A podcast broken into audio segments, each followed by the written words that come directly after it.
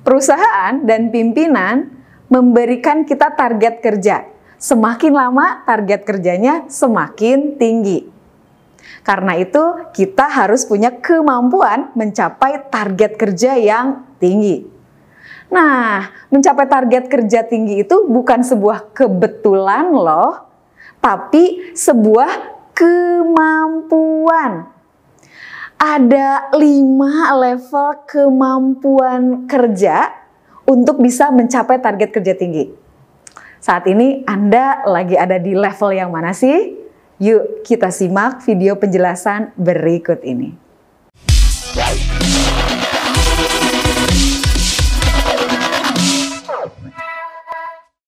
Kemampuan mencapai target kerja yang tinggi itu bukan sebuah keberuntungan, apalagi sebuah kebetulan. Ini adalah sebuah kemampuan. Nah, Spencer and Spencer mengatakan kemampuan ini disebut dengan kemampuan achievement orientation. Ada lima tingkatan kemampuan achievement orientation.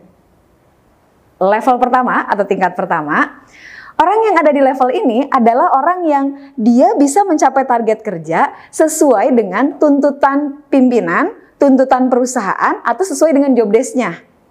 Jadi, kalau Anda bisa bekerja, memenuhi target kerja sesuai dengan job desk-nya, Anda dikatakan masih di level 1. Ini adalah level yang basic banget, paling bawah gitu ya, tentang achievement orientation.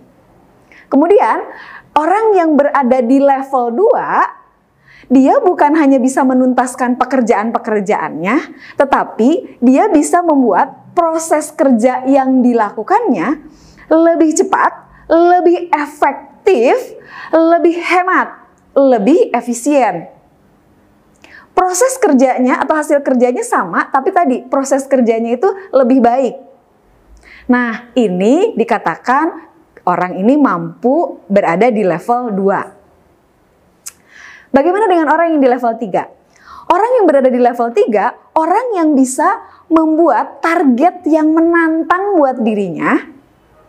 Selain menantang, dia mampu mencapai tantangan tersebut atau tantangan yang dia buat sendiri.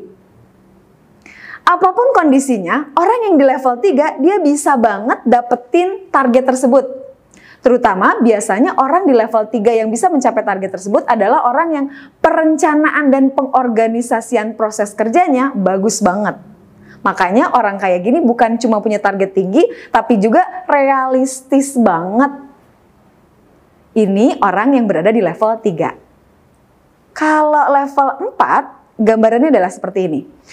Orang di level 4 ini dia bukan hanya bisa meningkatkan proses kerja menjadi lebih baik, lebih hemat, lebih efisien, bukan juga bisa mencapai target kerja yang lebih tinggi dari sebelumnya. Jadi selalu mencapai target kerja lebih tinggi dari sebelumnya, tetapi apa yang dia kerjakan itu punya impact terhadap unit bisnisnya, terhadap departemennya, terhadap rekan-rekannya.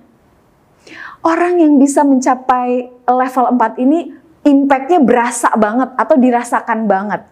Makanya buat Anda yang berada di level manager atau pimpinan, minimal banget Anda harus punya level achievement orientation level 4. Kalau Anda nggak punya, udah pasti Anda akan tidak bisa memenuhi kebutuhan tim, akan tidak bisa mencapai target tim, dan bisa jadi Anda akan dikeluhkan oleh tim kerja Anda. Karena apa? Karena Anda nggak bisa mencapai target kerja yang lebih baik, lebih efisien, dan punya dampak terhadap lingkungannya. Yang terakhir, ini level yang paling tinggi nih. Orang yang punya achievement orientation di level 5, apa yang dia kerjakan itu punya impact terhadap organisasi bahkan bukan impact organisasi atau satu perusahaan terhadap eksternal organisasinya pun dia bisa ngasih impact. Target-target kerjanya itu target kerja yang lebih tinggi yang punya impact terhadap lingkungannya.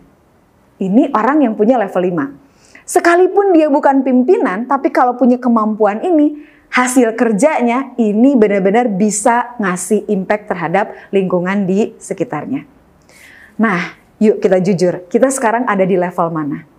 Kalau kita jujur, maka kita bisa lebih tahu kita harus meningkatkan sampai level mana dan sampai level mana dan mudah-mudahan dengan informasi ini kita jadi lebih tahu kita harus meningkatkannya seperti apa. Yuk.